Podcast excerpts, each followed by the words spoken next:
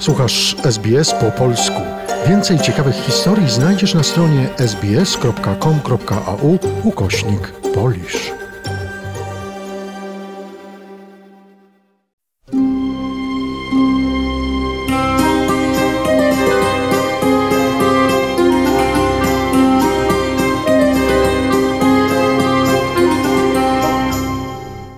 Opowieści Suczki Feli, czyli psiografia.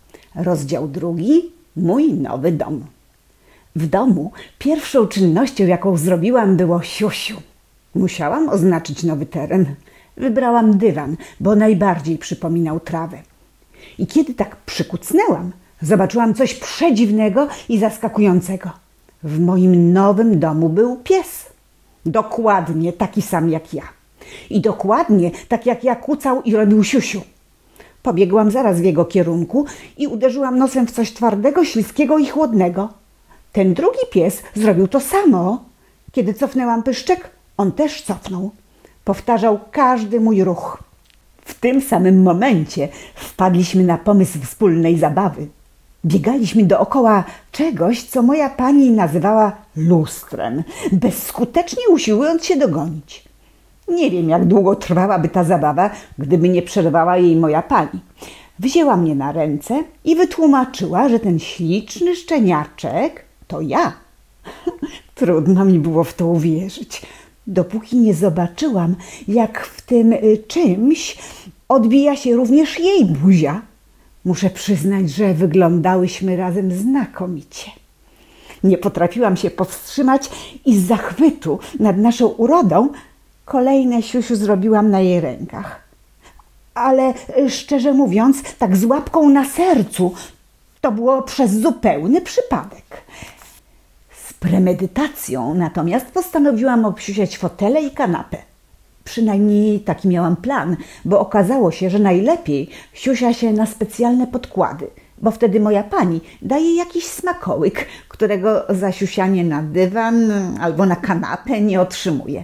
Potem te podkłady pani wynosiła na podwórko i jak tam zrobiłam siusiu, dostawałam dwa smakołyki. Szybko załapałam, że siusianie wyłącznie na spacerach bardzo się opłaca. Jeśli chodzi o szkody poczynione w domu, to nie było ich wiele. Właściwie nadgryziona została tylko jedna noga od krzesła. I to też przez pomyłkę. Bo wydawało mi się, że to powyginany konar drzewa. Podgryzałam nogę cichaczem przez kilka dni, aż moja pani posmarowała ją jakąś tajemniczą, gorzką miksturą, po której straciła swój magiczny smak. Podobnie jak wszystkie kable i przewody elektryczne. I dobrze, bo od starszych psów słyszałam, że spotkanie z prądem jest bardzo niebezpieczne. Ten brak poważniejszych szkód nie był zapewne spowodowany moją mądrością, ale mądrością mojej pani, która nie wystawiała na widok publiczny żadnych pokus. W prezencie od niej dostawałam tyle zabawek i gryzaków, że zapominałam o chrupaniu mebli, kapeluszy lub butów. A miałabym co gryźć, bo buty są mojej pani słabością. Gdyby je wystawiła z szafy na podłogę, to miałabym co robić przez najbliższy rok, albo nawet dwa. Typowa kobieta. Kiedyś nawet i mnie kupiła cztery sztuki butów. Pamiętam, że była zima i ulice posypali jakimś słonym wynalazkiem, więc na spacerze łapki bardzo szczypały. Ale chodzić po takiej brei w butach było jeszcze gorzej. No i trochę wstyd. Stanęłam w miejscu i machałam przemiennie łapkami, ile tylko mogłam. Po paru dniach prób pani zniechęcona oddała buty po sąsiedzku. Z tego co pamiętam, nikt jednak w nich nie chodził. Może były za duże, albo za małe, albo niemodne.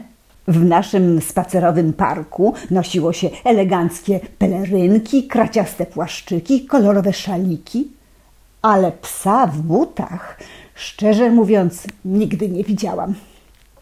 A w następnym odcinku opowiem Wam, jak moja pani wpadła do wody.